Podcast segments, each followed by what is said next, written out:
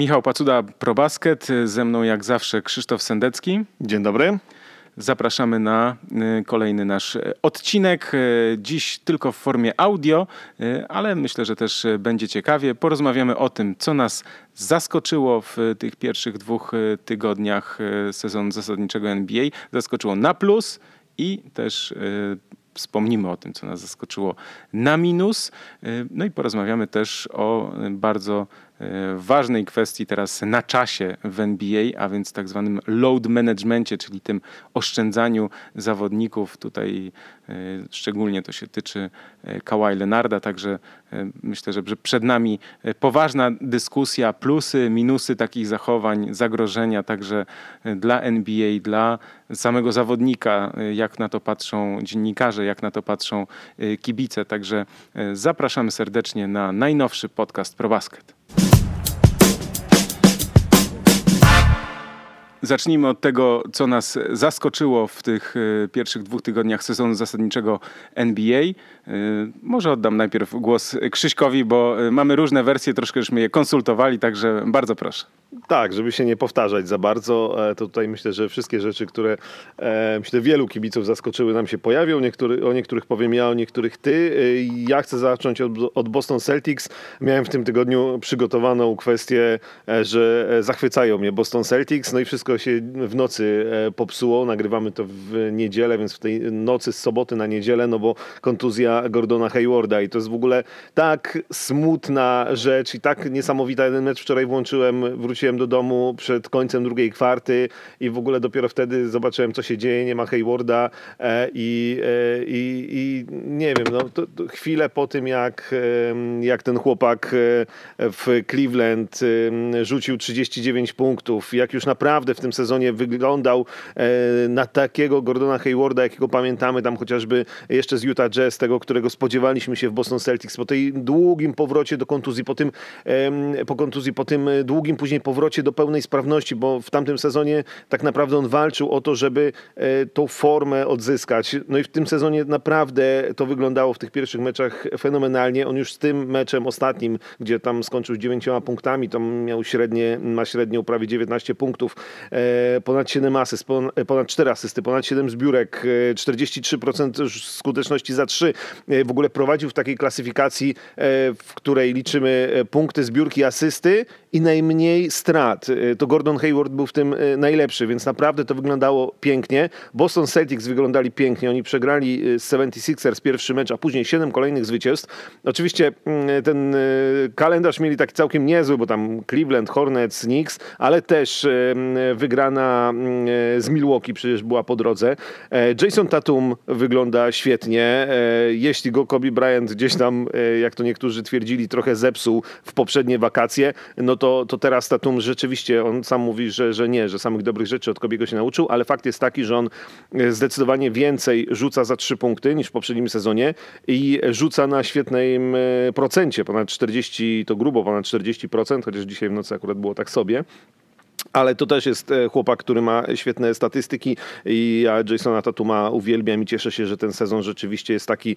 E, mówiliśmy tu w jednym z poprzednich podcastów, wymieniając go wśród tych zawodników, którzy mogą zrobić taki wielki krok e, w swojej karierze i ten sezon na razie wygląda w jego wykonaniu dobrze. E, Kemba Walker e, różnie, ale generalnie jakby popie- wolę Kemba Walkera z różnych względów, nie tylko tych czysto koszykarskich niż Kyriego Irvinga w Boston Celtics, więc myślę, że tu na plus i, i Walker też potrafi być liderem tej drużyny i też y, rzuca na dużej skuteczności za trzy e, i oczywiście zdarzają mu się trochę słabsze mecze, ale, ale ogólnie tam nawet jeśli komuś zdarza się słabszy mecz, to jest, są zawodnicy, którzy mogą te luki wypełnić. Y, dzisiaj w nocy Jalen Brown 30 punktów, jest Marcus Smart, jest, są, są inni zawodnicy, więc tutaj to, ta drużyna jest naprawdę poukładana, wygląda fajnie, bilans 7-1, na ten moment, w którym, którym tu dzisiaj rozmawiamy, lider wschodu.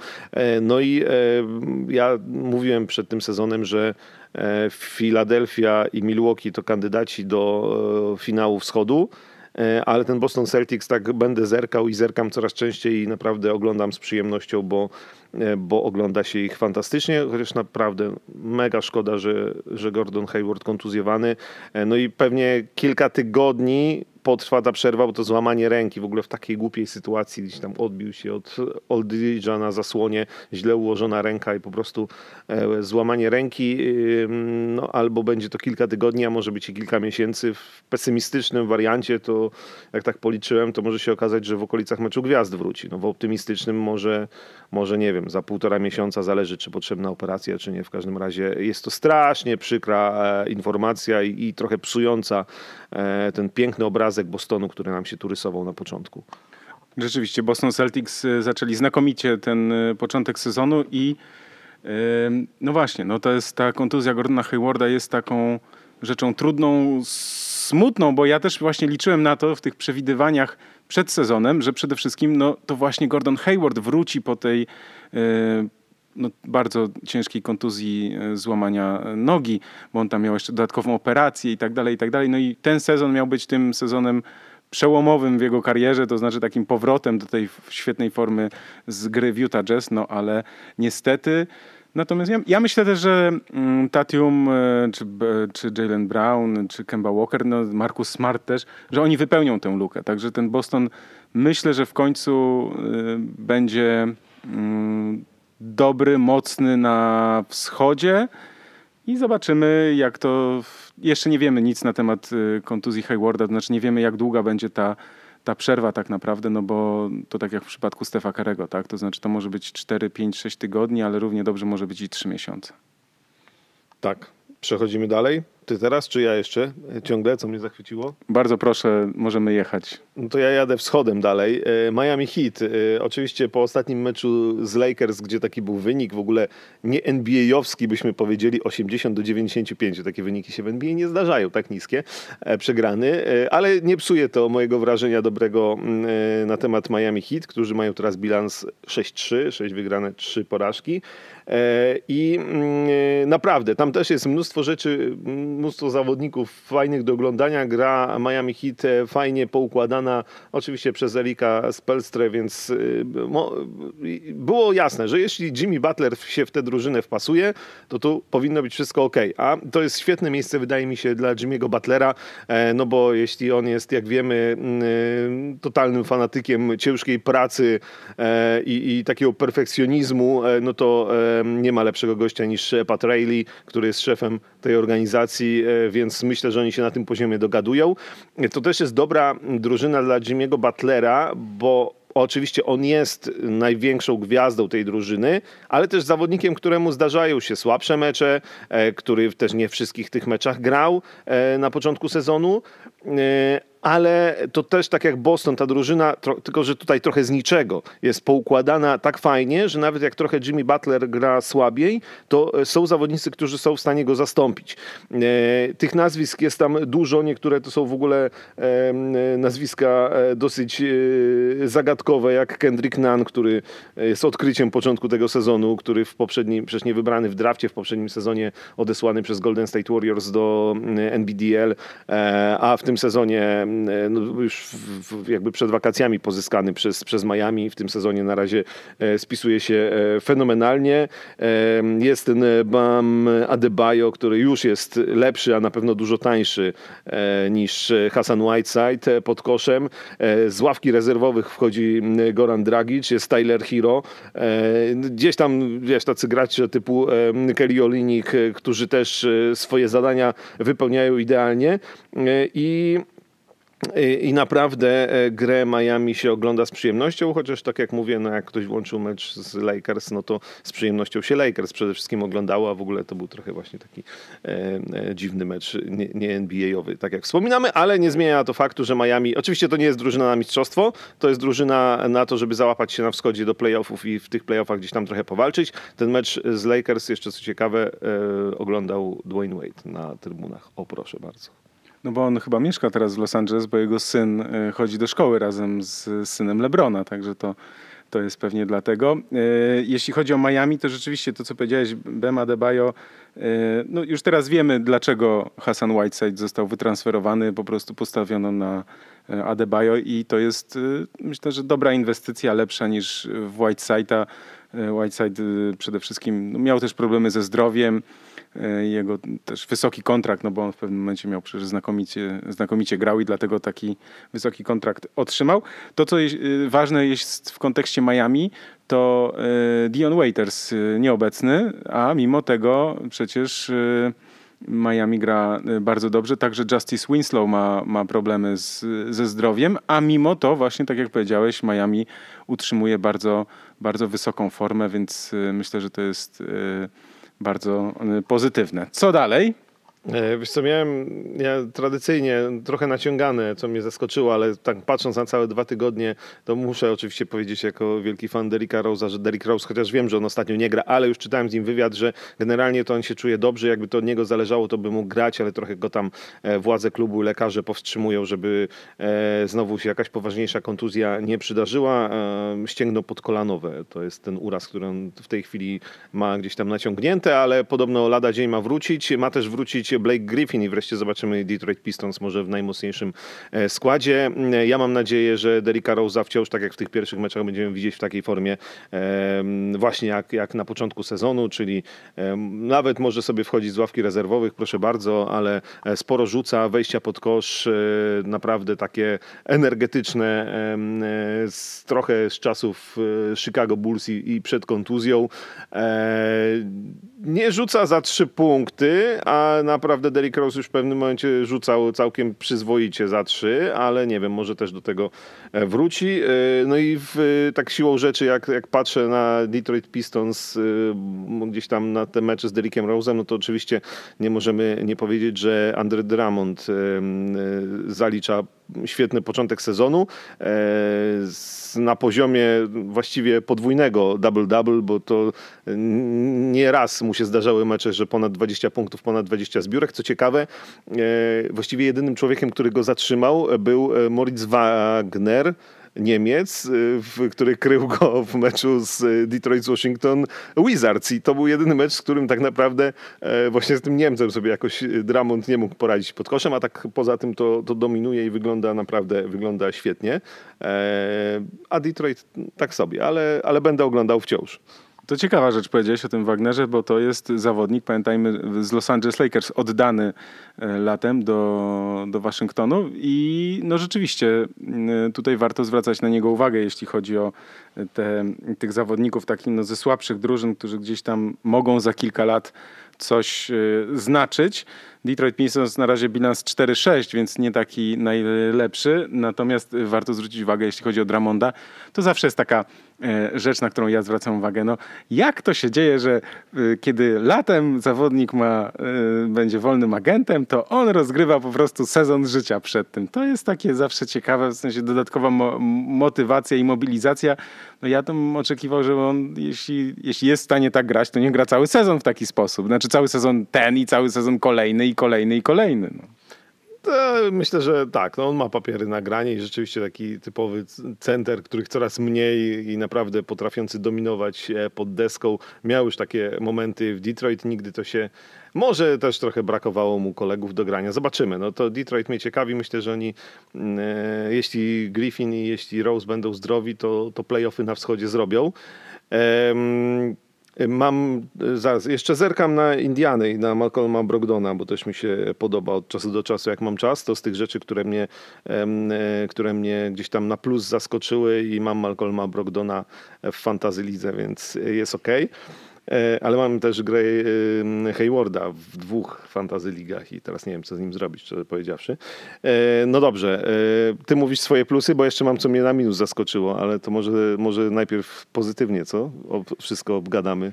No właśnie, najpierw dużo pozytywów, żeby było przede wszystkim, bo to jednak jest ważniejsze, no mówiąc wprost. Mnie przede wszystkim zaskoczyła dobra postawa Los Angeles Lakers od początku e, sezonu. Znakomity bilans 7-1 w tej chwili. E, ta pierwsza porażka z e, Clippers, a potem 7 kolejnych wygranych. Więc jest naprawdę dobrze, no ale też pytanie jest, dlaczego jest dobrze? LeBron James gra po prostu tak jak kilka lat temu, więc jeszcze ten PESEL tak zwany się nie odzywa. Jeśli utrzyma tę formę, no to naprawdę Lakers będą jednym z głównych faworytów, jeśli nie numerem jeden na zachodzie. Bo to, co należy podkreślić, i tutaj odsyłam, zachęcam do przeczytania artykułu Y, na ProBasket y, autorstwa Damiana Puchalskiego. Damian policzył, wziął pod uwagę statystyki, takie też te zaawansowane, które czasem dla mnie są nie do końca proste i nie do końca zrozumiałe, to znaczy muszę sobie zawsze gdzieś tam je przeanalizować, yy, dokładnie przypomnieć, co na co wpływa, że ten defensive rating, tam to efficiency i tak dalej, i tak dalej. Więc ja odsyłam, zachęcam do przeczytania, ponieważ yy, jest to wytłumaczone, na co jest liczone w tych, yy, w tych statystykach. Natomiast też Damian bardzo ciekawą rzecz pokazał po prostu przykłady też, tak? To znaczy granie na, z Dwightem Howardem przede wszystkim. Dwight Howard gra no, rewelacyjnie, gra tak po prostu jak kilka lat temu dobrych kilka lat temu, jak z tej formy jeszcze w Orlando Magic. E, znakomicie broni, jest skuteczny pod e, tablicami. Tam Damian wyliczył bardzo, bardzo ciekawe rzeczy, także e, zachęcam do, do przeczytania tego tekstu. Też długa ławka rezerwowych, to jest bardzo ważne bo tam 10-11 graczy gra naprawdę, jest, jest w tej rotacji, tak? To znaczy to nie jest tak, że grają siedmioma zawodnikami, a potem Reszta, reszta to tylko jest w składzie na ławce i jak jest e, duża przewaga in plus, to oni wchodzą. Nie, tam nawet Alex Caruso wchodzi, daje po prostu bardzo dobre zmiany. E, no bo Lakers mają długą ławkę rezerwowych, tak? To, to jest bardzo ważne. Wrócił Kyle Kuzma, ten przecież mecz e, z Chicago, w Chicago, gdzie Lakers przegrywali już chyba 19 punktami, a potem byli w stanie to odrobić i wygrać. Świetna postawa właśnie Kuzmy w tym spotkaniu, który wraca po kontuzji. Y, LeBron James powiedział bardzo fajną rzecz, że dopóki jest zdrowy, to będzie grał i on się nie będzie zajmował takimi rzeczami jak odpoczynek, czyli ten load management, do którego za chwilę też będziemy y, nawiązywać. Więc y, myślę, że Lakers bardzo in plus, że to, że to zagrało już po prostu od początku, tak? To znaczy od początku sezonu już wysoka forma i Lebrona, i Antonego Davisa i ta gra na wysokich przede wszystkim, JaVale McGee, Dwight Howard to jest w tej, e, w tej erze small ball dla takich osób, e, które już mają parę lat i pamiętają erę wysokich. Ten powrót do gry, skutecznej gry wysokimi jest też no, bardzo przyjemny dla oka, nie, nie ukrywam. Drugą taką drużyną, która pewnie byłaby w stanie grać na na podobnych parametrach wzrostowych, czyli mając tak no, wysoki skład, to jest Philadelphia 76ers, no ale Philadelphia teraz y, no, miała bardzo dobry początek, potem przegranych kilka spotkań, także to nie jest, y, tam też są problemy Ben Simmons y, z urazem, więc Philadelphia no, troszkę te trzy porażki, bo oni serię wyjazdową mieli teraz na, na zachodzie, więc jakby to to no, troszkę nazwijmy to życie ich weryfikuje. A ty co byś chciał o Lakers powiedzieć? Że LeBron James potrafi bronić i przypomnieliśmy sobie o tym w ogóle. Lakers dobrze wyglądają w obronie. Ten mecz z Miami, jakby wspominany już, to też gdzieś tam potwierdza, ale to nie jest tylko tak, że to w ataku wygląda fajnie e, i że oni sobie e, rzucają, tylko też dobrze bronią. No właśnie, to jest właśnie klucz tego, klucz do, do tej postawy, do tych zwycięstw Lakers, to jest właśnie ta obrona. I ten artykuł e, Damiana Puchalskiego to na ProBasket to jest właśnie e, całe to wyliczenie, e, skąd, ta do, skąd ten dobry bilans wynika, to właśnie przede wszystkim kluczem jest tutaj obrona zwłaszcza w tym tak też pomalowanym też wrzutach z dystansu, bo tam jest całe wyliczenie, nie będę tego mówił, bo nie chcę zdradzać, bo jest naprawdę wart przeczytania ten tekst, yy, także zachęcam serdecznie, bo oni i bronią w strefie podkoszowej i nie pozwalają rywalom rzucać z dystansu, więc yy, czy pozwalają rzucać, ale, ale tak dobrze bronią, że to są rzuty wszystko z tak zwaną ręką, a więc, a więc skuteczność jest niższa niż z czystych pozycji, także naprawdę Lakers są w bardzo dobrej formie i no, teraz obecnie najlepszą drużyną na zachodzie są. Tak, 7-1 i też 7, tak jak Boston, 7 meczów z rzędu wygranych. Zaczęli od porażki z Clippers i trochę narzekaliśmy, a później Naprawdę wyglądało to e, bardzo, bardzo dobrze i cały czas wygląda dobrze i widać, że ten LeBron jest naprawdę w tej formie fenomenalnej, fizycznej i że jemu gra sprawia radość. Anthony Davis oczywiście też, Dwight Howard, no takiego Dwighta Howarda e, no, chcielibyśmy oglądać, bo, bo naprawdę też forma fizyczna fenomenalna. E, do, pod dwoma tablicami on nie gra wcale dużo, nie po 20 minut na, na parkiecie, ale jak już wchodzi na parkiet, to robi mnóstwo rzeczy i pod jedną i pod drugą tablicą, e, a na ławce rezerwowych też e, cały czas żyje i z jednej strony to jest taki trochę Dwight Howard, który trochę zmądrzał, który trochę wydoroślał, a cały czas gdzieś tam jest ta jego energia chłopięca e, i zagrzewanie kolegów i szaleństwo przy ławce rezerwowych, kiedy się dobrze dzieje, a w Lakers ostatnio się dobrze dzieje, więc ja też jestem zaskoczony, że aż tak dobrze to wygląda od samego, od samego początku. Okej, okay. jeszcze jedną rzeczą, która na pewno mnie zaskoczyła na plus i też o tym wspominałem, że to może się zdarzyć, znaczy byłem pewien, że się zdarzy w kolejnych latach, nie, nie byłem pewien, czy to się zdarzy, wciąż nie jestem pewien, czy to się zdarzy w tym sezonie, ale ten początek e, rozgrywek na to wskazuje. Dallas Mavericks. Luka Doncic po prostu w rewelacyjnej e, formie. E, no i Kristaps Porzingis, który też gra bardzo dobrze może nie aż tak dobrze jak Luka Doncic, no ale pamiętajmy, że on też wraca e, po poważnej kontuzji, więc e, Porzingis jeszcze ma czas na to, żeby się rozpędzić. Natomiast no, e, Dallas Mavericks są na pewno tym pozytywnym zaskoczeniem na, na zachodzie w tej chwili z bilansem 6-3 na szóstym miejscu. No i jeśli mówimy, pamiętamy ten nasz power ranking, bo wiemy, że no Golden State Warriors raczej wypadną z tego z tej ósemki, bo już totalnie odpuszczają, e, to pojawia się szansa właśnie dla jednej z drużyn, e, tej, której nie typowaliśmy, która zresztą no, powszechnie nie była typowana do, do playoffów i ja myślę, że Dallas Mavericks mają bardzo duże szanse, żeby, żeby zająć miejsce w ósemce Warriors. No i też taką drużyną drugą, która może o to powalczyć, są Phoenix Suns. I też bardzo dobra dyspozycja tej drużyny. To o Phoenix zaraz ja chciałem jeszcze o Dallas e, coś powiedzieć, bo e, Luka Doncic Wiesz, to jest tak, że Amerykanie, e, wielu ekspertów go nie doceniało, jak przychodził do NBA. Dobra, Europa, spoko, nie? Ale musimy pamiętać, chłopak ma 21 lat, gra dopiero drugi sezon w NBA, ale on e, zanim przyszedł do NBA, czyli w wieku 19 lat, wygrał w Europie wszystko. Znaczy Mistrzostwo Europy ze Słowenią, e, z Realem e, Ligę Hiszpańską, Euroligę i tytuły MVP też zdobywał indywidualnie, więc wow. Przyszedł do NBA, wszedł, jak się mówi, z buta i teraz tak patrzę na niego i momentami to on wygląda jak pan profesor przy tych zawodnikach, jakby bawiąc się z uśmiechem gdzieś tam ogrywając jak chce tych zawodników. Czasami e, przesadza, bo e, oglądałem, e, oglądałem w tym sezonie dwa mecze New York Knicks i to był mecz Chicago i z Dallas e, i oba te mecze New York Knicks wygrali, a mają bilans 2-7 i zastanawiam się jak to jest możliwe, przecież to nie jest taka zła drużyna. Oglądałem ich dwa mecze, oba wygrali. No ale dobra, do, do Dallas. Ten mecz z New York Knicks w Dallas, nie wiem jakim cudem przegrany. Luka Doncic zagrał świetne zawody, ale tam cały mecz był w okolicach remisu i koniec końców jest tak, że Knicks prowadzał 3 trzema punktami, jest tam 22 sekundy do końca, Luka Doncic ma piłkę. E, I on sobie kozuje, kozuje, przekracza linię środkową, 19 sekund y, do końca meczu, on bach, wiesz, tam z 9 czy 10 metrów rzuca truje, nie?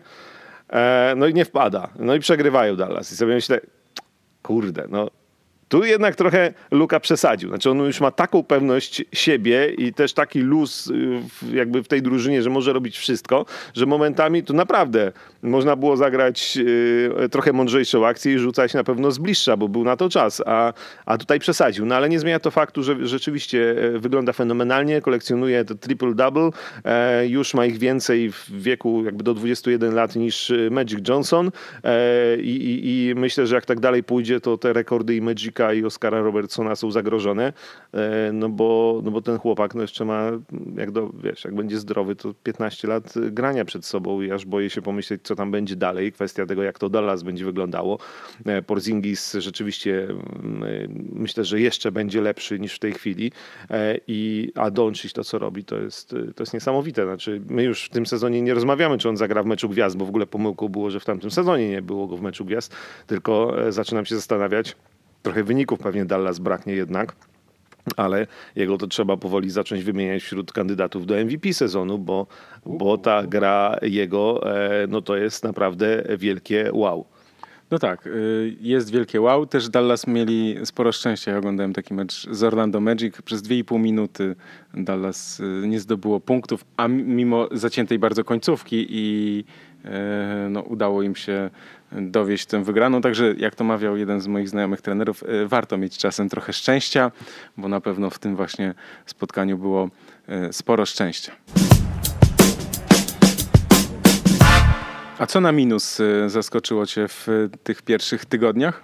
No ja muszę powiedzieć, że bo mówiłem o tych drużynach, że, e, ma, że będzie warto oglądać i że mogą się na wschodzie załapać do playoffów, czyli Chicago i Orlando, a na razie na to nie wygląda. Czy oczywiście początek sezonu bardziej mnie martwi Chicago, bo tam e, tak delikatnie mówiąc to nie za wiele rzeczy działa i wiem e, od tych takich ludzi, którzy bardzo interesują się tutaj nawet w Polsce, jak Marcin Więckowski, Chicago Bulls, że e, Jim Boylan to jest wróg numer jeden, e, ale, ale słaba forma e, Markanena przede wszystkim i w ogóle ta gra e, Chicago jest i w obronie jest badziewna i, i nie, potrafią wygrywać ze słabszymi drużynami. Na razie wygląda Chicago bardzo źle i nawet Kobe White po pierwszym wow e, troszkę już e, jakby przestał być wow, ale może to się jeszcze poukłada. Bardziej wierzę w to, że się Orlando poukłada, no ale Orlando rzuca z dystansu na poziomie 26%. To jest dramat i tam też jakby no swoją drogą Mark Fultz 19% za 3, tak jakby ktoś pytał, jak tam z jego rzutem.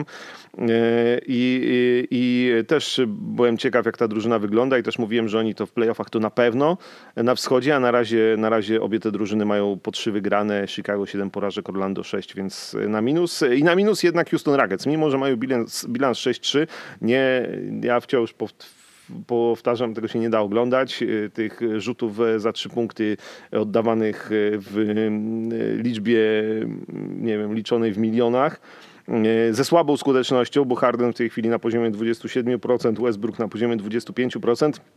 Policzyłem sobie też coś, co oczywiście od dawna nas też denerwuje. Jakbyś chciał wiedzieć, to James Harden z rzutów osobistych w dotychczasowych dziewięciu meczach zdobył 114 punktów 126 rzutów osobistych oddał, przy czym reszta drużyny Houston Rockets 115 w sumie. Więc on od całej reszty 10 rzutów wolnych więcej oddał. E, nie, no nie zostanę fanem Houston Rockets, no niestety, chociaż e, myślę, że oni będą lepiej wyglądać, że, że Russell Westbrook jest trochę pod formą, ale, ale gdzieś tam ją odnajdzie, no i są z bilansem na plusie, no 6-3, więc jakby e, myślę, że to Houston gdzieś tam mimo wszystko koniec końców się odnajdzie, ale już nie jestem przekonany co do tego, a byłem na początku, że będą w finale z Clippers. Na razie, e, tak jak wspominałeś, Lakers wyglądają lepiej. Tyle z minusów. No dobra, ja wracając jeszcze do plusów, bo mówiąc o, ten, o drużynie Phoenix Suns, e, na minus można zaliczyć to, co zrobił DeAndre Ayton, czyli gdzieś tam to E, że został zawieszony za to, że używał jakichś środków niedozwolonych. Natomiast e, no, Devin Booker e, wiemy, że on jest wybitnym strzelcem i średnia ponad 25 punktów. Natomiast ja zwracam uwagę, jeśli chodzi o Phoenix Suns, na Rona Bainesa. To jest zawodnik bardzo niedoceniany. On w Bostonie przecież no, nie był tak wykorzystywany. Natomiast w Phoenix, ja pamiętam bo on gra w reprezentacji Australii. I, i pamiętam jak mój znajomy do mnie napisał, mówi ty słuchaj, ten Baines to człowieku to po prostu jest mistrz świata, czarodziej koszykówki. W ogóle, on w tym Bostonie tam jakieś takie no nie za bardzo ogony, czy trochę tam zmiennik, ma jakieś takie no zadaniowe, miał rolę przede wszystkim defensywne i tak dalej, natomiast on po prostu kurczę w, z w ogóle, wiesz, pod, pod obręczą też się nie boi, bardzo dobra, bardzo dobry, bardzo dobra gra no, to się otworzyło. Też Ricky Rubio, też bardzo dobre występy. W końcu ktoś, ktoś to mądrze poukładał. Tak? No, rozmawialiśmy o tym, że Ricky Rubio nie do końca może nam pasować do tej koszykówki NBA, że on lepiej gra w tej fibowskiej, europejskiej koszykówce, że, że w reprezentacji Hiszpanii gra znakomicie, natomiast w NBA czasem mu jest się trudno odnaleźć, wejść na ten taki no, najwyższy poziom, natomiast no, jako ten mózg drużyny funkcjonuje dobrze i no, Phoenix Suns są na to dopiero początek oczywiście, ale są na dobrej drodze, żeby no, odbić się od tego dna, na którym e, byli. Natomiast jeśli chodzi o minusy, no to na pewno oczywiście Golden State Warriors yy, nie tylko ze względu na, na pecha ogromnego, tak, bo kontuzja Stefa Kerego to, to, jest, to jest pech, ale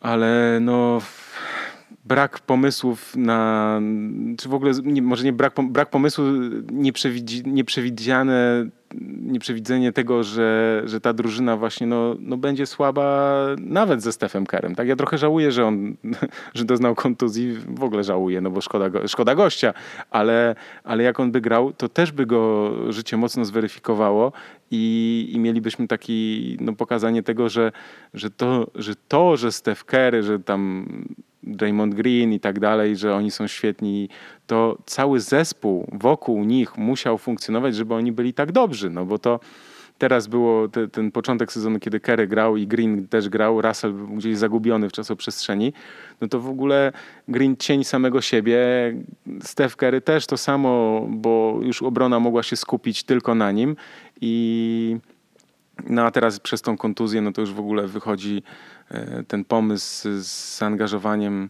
tych młodych zawodników, niedoświadczonych. No, Golden State Warriors będą szorować po, po dnie tabeli i pojawiła się plotka, że nie wiadomo, czy w ogóle Kerry wróci w tym sezonie, że mogą włączyć e, tryb tankowania totalnego, co mi to przyszło przez myśl, zanim to się pojawiło, taka plotka, przyszło mi to przez głowę, że mogą odpuścić cały sezon, no bo, no bo po co, jak nie, ma, jak nie będą grali o najwyższe cele. Ale z drugiej strony trochę jest to dla mnie trudne do wyobrażenia, że co, że on będzie na przykład, nie wiem, pod koniec stycznia czy na początku lutego będzie mógł już po pełnej rehabilitacji wrócić do normalnego grania i co, i, i, i on odpocznie, nie wiem, dwa i pół miesiąca będzie, po prostu nie będzie grał? Nie wiem, znaczy jest możliwy taki scenariusz, ale wydaje mi się, no ale też może po prostu grać na zasadzie... Um, po 20 minut na przykład, tak? No trochę bardziej na luzie i niewiele to zmieni. E, na pewno D'Angelo Russell się teraz odnalazł, bo już wszystko na nim y, wisi, cała drużyna, 50 e, punktów, 30 punktów w dwóch ostatnich meczach, no ale porażki, no bilans 2-7 na ostatnie miejsce e, na zachodzie Golden State Warriors spadli i no, może być tak, że już z tego ostatniego miejsca się nie podniosą. Bardzo ważnym tematem ostatnich dni jest e, tak zwany load management, czyli taktyka stosowana wobec e, Kawhi Lenarda, także wobec niektórych innych zawodników, chociaż no najgłośniejsza jest sprawa Lenarda. E, o co chodzi? Chodzi o to, że mm, zawodnicy, którzy nie mają kontuzji, nie mają urazów, mimo tego, że, nie, że są zdrowi, to jednak odpoczywają i mają e, no nie grają w meczach, w których mogliby grać. Tak? Kawhi Leonard już dwukrotnie nie grał w takich meczach, kiedy były dzień po dniu i było bardzo duże rozczarowanie, bardzo duże też e, no, podniosło ESPN e, bardzo dużo uwag pod tym i krytyki pod tym, pod tym kierunkiem, w sensie ten, pod tym adresem, bo no, ESPN transmitował spotkanie z Milwaukee Bucks. Myśleli, że to będzie wielkie widowisko, wielki pojedynek Lenarda z Janisem, dwóch e, pretendentów, być może w, zagraliby na przykład no, w finale wielkim NBA na, w czerwcu, natomiast no, Kawhi Leonard e, no, odpuszczono je, jemu, żeby sobie odpoczął. No i tak, e, ESPN to krytykuje, bo wiadomo, oglądalność niższa. Kibice niektórzy przychodzą na mecze, no żeby oglądać gwiazdy. I teraz zwróćmy na to uwagę. Produkt NBA wiemy. Gwiazdy, gwiazdy, gwiazdy.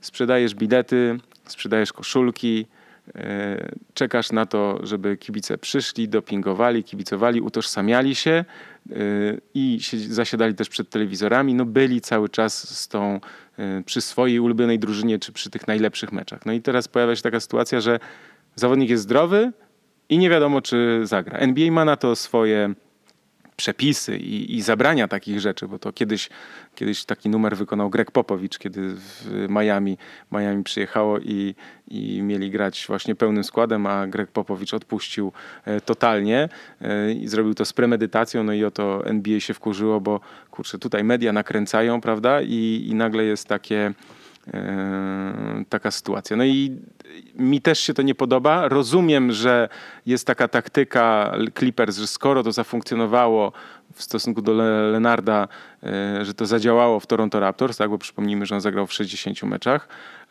poprzedniego sezonu, ale no teraz już jest zdrowy. Potem grał całe playoffy, grał mnóstwo minut, w ogóle zero odpuszczania w playoffach. No to teraz pytanie jest takie, no dlaczego miałby odpuszczać teraz w trakcie sezonu? Znaczy ja staram się to, znaczy, y, tak, staram się to zrozumieć też z drugiej strony. Nie chcę powiedzieć, że e, zgadzam się na coś takiego, no bo jako kibic, jako człowiek, który też włącza mecze chciałbym w każdym spotkaniu oglądać te drużyny w najmocniejszym składzie. Trzeba jeszcze do tego dodać, że jednak NBA trochę się różni od chociażby europejskiej koszykówki tym, że wielu kibiców tu ogląda nawet nie drużyny, a, a koszykarzy, a właśnie gwiazdy. Znaczy każda drużyna to jest gwiazda, ewentualnie dwie. To nie jest tak jak w Europie, że nie wiem, jak Sergio Yui nie zagra w meczu Realu Madryt, to nikt nie będzie podnosił y, afery z tego e, powodu i myślę, że tak samo, nie wiem, e, Greg Monroe, o którym wspominaliśmy, który powędrował do, Bayernie, do Bayernu. Jestem pewien, że w Bundeslidze nie będzie grał we wszystkich meczach, bo jest jeszcze Euroliga i tak dalej. I tak sobie myślę, że no i w, w, jakby w Europie nie ma w ogóle jakby, no okej, okay, to jest decyzja trenera. Nie ma tego kultu jednostki, nazwijmy to, tak? Znaczy nie, twarzami w Europie twarzą no, jest klub, czyli nie ma tak naprawdę twarzy w sensie jednego zawodnika, tego lidera. Natomiast w NBA wiemy, że y, jest gra, no nazwijmy to twarzami, gwiazdami. To prawda. I to też oczywiście się przekłada gdzieś tam na, na samą grę, ta w Europie jest bardziej zespołowa, e, w NBA no często jest tak, że właśnie a nie gra Kawhi Leonard, to nie oglądam, nie, nie gra LeBron James, to nie oglądam. E, wielu kibiców tak do tego e, też podchodzi, no i to oczywiście trzeba zrozumieć i NBA ma prawo się denerwować i ESPN ma prawo się denerwować, bo im spada oglądalność. Z drugiej strony, no oczywiście NBA próbuje jakoś przeciwdziałać temu, z drugiej strony trzeba też popatrzeć z punktu widzenia widzenia władz Clippers. E, I tak, e, no i e, co tu jest tak naprawdę dla nich najważniejsze? Oczywiście kibiców fajnie mieć przy sobie, tylko z tego punktu widzenia jakby czysto sportowego, no to im nie jest potrzebne 82 wygrane mecze w sezonie zasadniczym, im nie jest potrzebny 82 e, mecze rozegrane przez Kawaja Lenarda, im jest potrzebny zdrowy, wypoczęty Kawhi Lenard e, w playoffach e, i celem jakby ostatecznym, nadrzędnym i najważniejszym jest zdobycie mistrzostwa. I gdzieś tam z tego punktu widzenia ja to staram się zrozumieć, chociaż oczywiście jako kibica to mnie też irytuje, że zapowiada się fajny mecz Clippers z Bucks i, i okazuje się, że Kawhi Leonard nie gra, a później do Clippers jeszcze mówi, że on się czuje świetnie w ogóle, nie? No i, no i e, właściwie... Dostał za to też karę w końcu, znaczy Clippers dostali za to karę, bo, no bo to jest niezgodne z przepisami. I w ogóle też trzeba zwrócić na to uwagę, że są takie dwa słowa magiczne. Tankowanie, czyli to specjalnie przegrywanie. E, NBA to się bardzo nie podobało, bo to wpływa na bardzo źle na wizerunek e, całej ligi i dlatego też te przepisy odnośnie loterii draftu zostały zmienione to znaczy, y, bo jeszcze dawno, dawno, dawno temu to było tak, że jak się miało najgorszy bilans, to miało się numer jeden, ale potem wprowadzono tą, tą loterię, y, że te procenty są po prostu, w, no najgorsze drużyny są brane pod uwagę i każda w miarę tego, ile miała, jak miała, jak zły miała bilans, to ma po prostu większą szansę, jeśli chodzi o procenty. Natomiast no, pamiętamy przecież no, w tym roku Pelicans wygrali, a nie E, a nie ktoś inny, więc jakby Pelicans wcale nie byli na, najgorsi, więc tutaj, tutaj NBA wprowadziła te, te przepisy, te zasady. Też pamiętajmy o tym, że zrobiła duży ukłon e, w ostatnich latach, e, bo też się zmieniały te, te kwestie rozgrywania dzień po dniu, rozgrywania, nie wiem, trzech meczów w ciągu pięciu dni na przykład, Przecież sezon został wydłużony o dwa tygodnie właśnie po to, żeby zawodnicy mieli więcej czasu na odpoczynek. Ja jestem zdania takiego, że, mm, że jeśli ktoś jest zdrowy, to powinien grać, a nic nie wskazuje na to, żeby Kawhi Leonard miał problemy ze zdrowiem. Po prostu jest oszczędzany.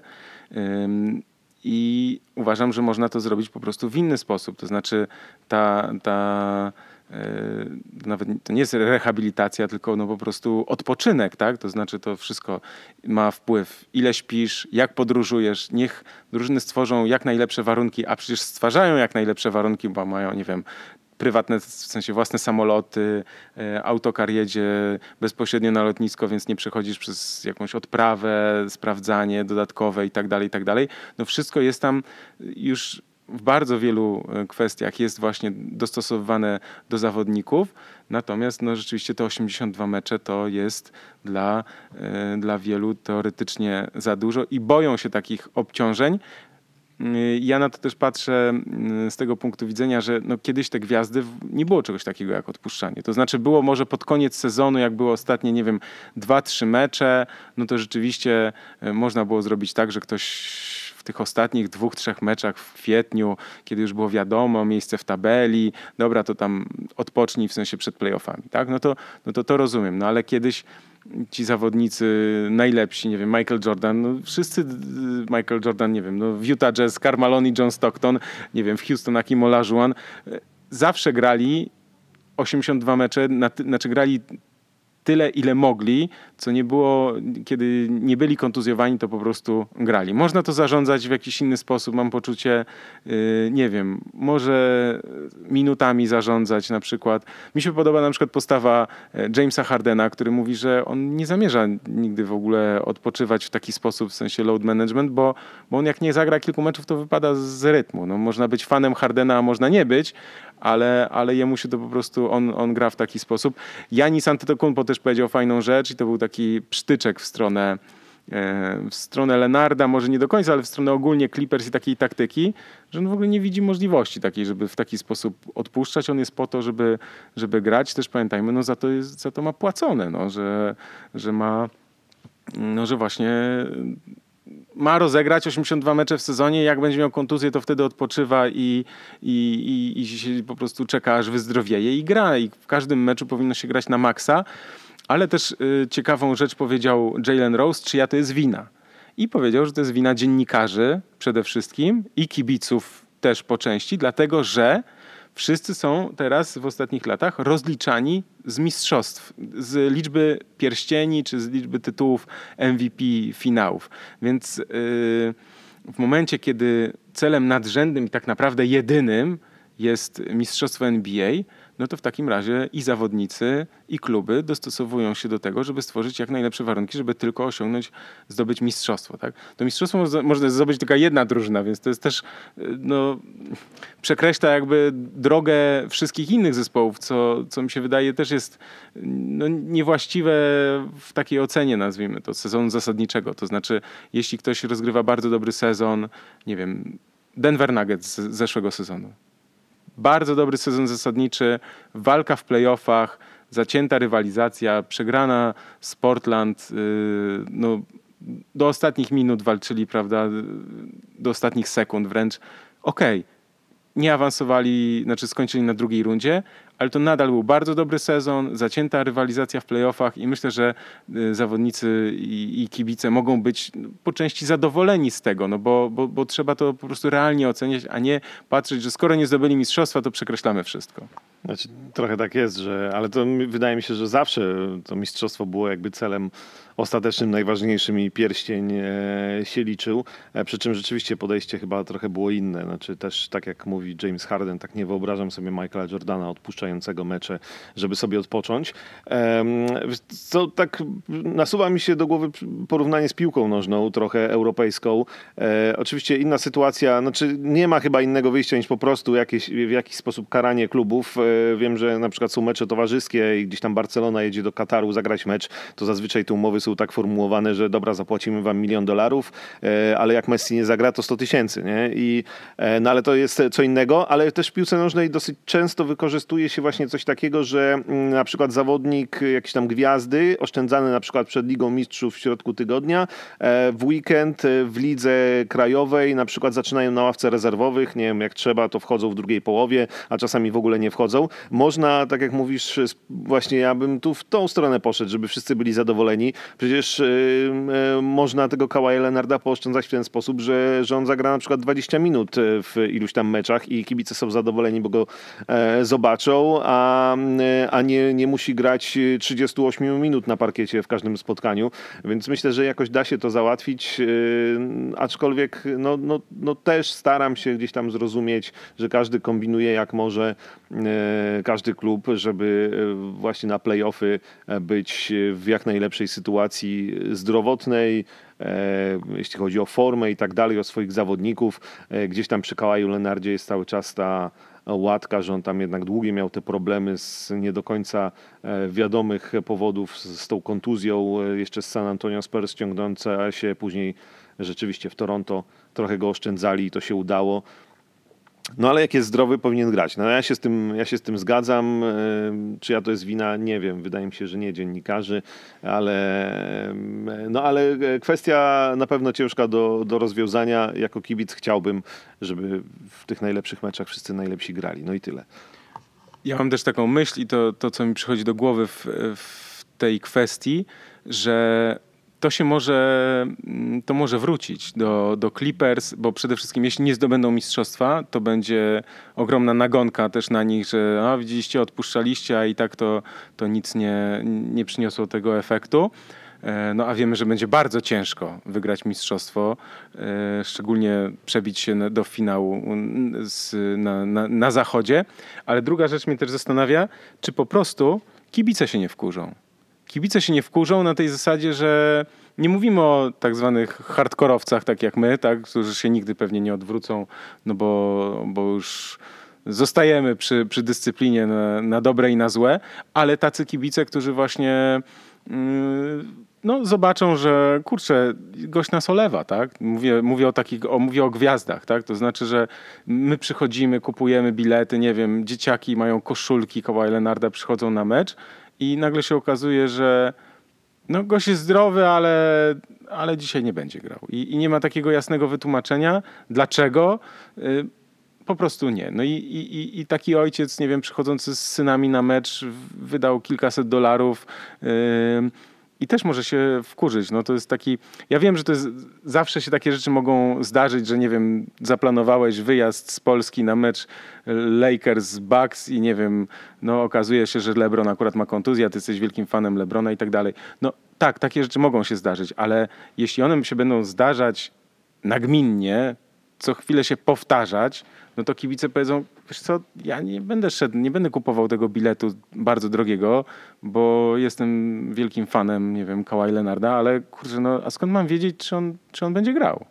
Znaczy, na szczęście to nie jest jeszcze jakby takie powszechne, tak? Znaczy, rozmawiamy o Kałaju, Kałaju Lenardzie, ale mamy też mnóstwo właśnie przykładów już wspomnianych tutaj zawodników, którzy mówią, że, że nie, że oni jak są zdrowi, to grają, więc e, no tego się trzymajmy. No, z Kałajem Lenardem miejmy nadzieję, że to jest taki wyjątek, który z jakiegoś tam sobie NBA z tym poradzi, jakoś uda się to e, załagodzić i, i myślę, że Clippers też zależy na tym, żeby ci kibice, którzy przychodzą oglądać Kałaja Lenarda, zaraz też wróci Paul George, e, no to, to oni sobie też zdają sprawę, że, że to, to są, to tak naprawdę wielu z nich przychodzi nie tyle właśnie oglądać drużynę Clippers, tylko te gwiazdy, które oni zatrudnili i myślę, że, że tu też to nie będzie aż tak bardzo nagminne i myślę, że w tym kierunku idźmy. No i, i miejmy nadzieję, że rzeczywiście to są jakieś tam wyjątki. Tego Kawaja Lenarda będziemy w barwach Clippers oglądać y, często także w sezonie zasadniczym. Tak, no zobaczymy jak to, bo to może też wrócić po prostu w e, trakcie sezonu, e, bo Clippers na przykład, nie wiem, przegrają kilka spotkań, przegrają na przykład jakieś spotkanie z Lenardem w składzie, no i, i, i, i kibice w Los Angeles, czy media w Los Angeles powiedzą, słuchajcie, wiecie co, bo to jest bez sensu, no gość nie gra i przegrywamy, gość gra nie, też przegrywamy, no to, no to może niech zacznie grać normalnie, regularnie, bo, yy, no bo to, to się nie sprawdza, tak, bo no, przy porażkach, przy porażkach to będzie po prostu łatwy, łatwy argument, żeby uderzyć e, w Clippers, prawda? Więc jakby.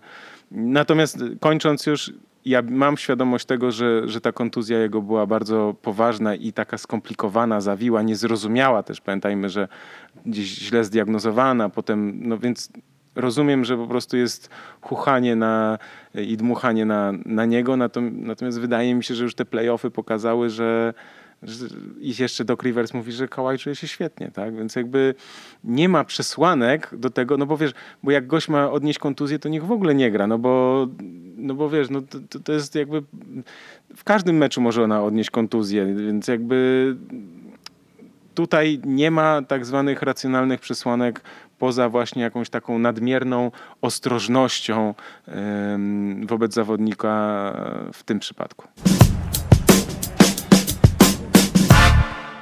Na koniec jeszcze jeden temat.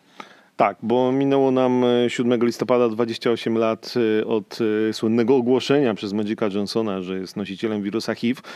I chciałem o tym powiedzieć, odsyłając oczywiście trochę też do świetnego filmu ESPN z 2012 roku, The Announcement. Tam jest właściwie wszystko i jak ktoś oglądał, to niewiele jestem w stanie dodać, ale jak ktoś nie oglądał, to warto, bo to jest taka historia, która gdzieś tam pokazuje, że Magic Johnson a więc czasami sportowiec naprawdę może wpłynąć e, niekoniecznie z własnej woli, bo, bo oczywiście e, no, nie chciał e, być chory, ale później jak już się to zdarzyło, to naprawdę wpłynął bardzo, bardzo na to, jak są osoby chore na AIDS, zarażone wirusem HIV postrzegane, na pomoc tym ludziom.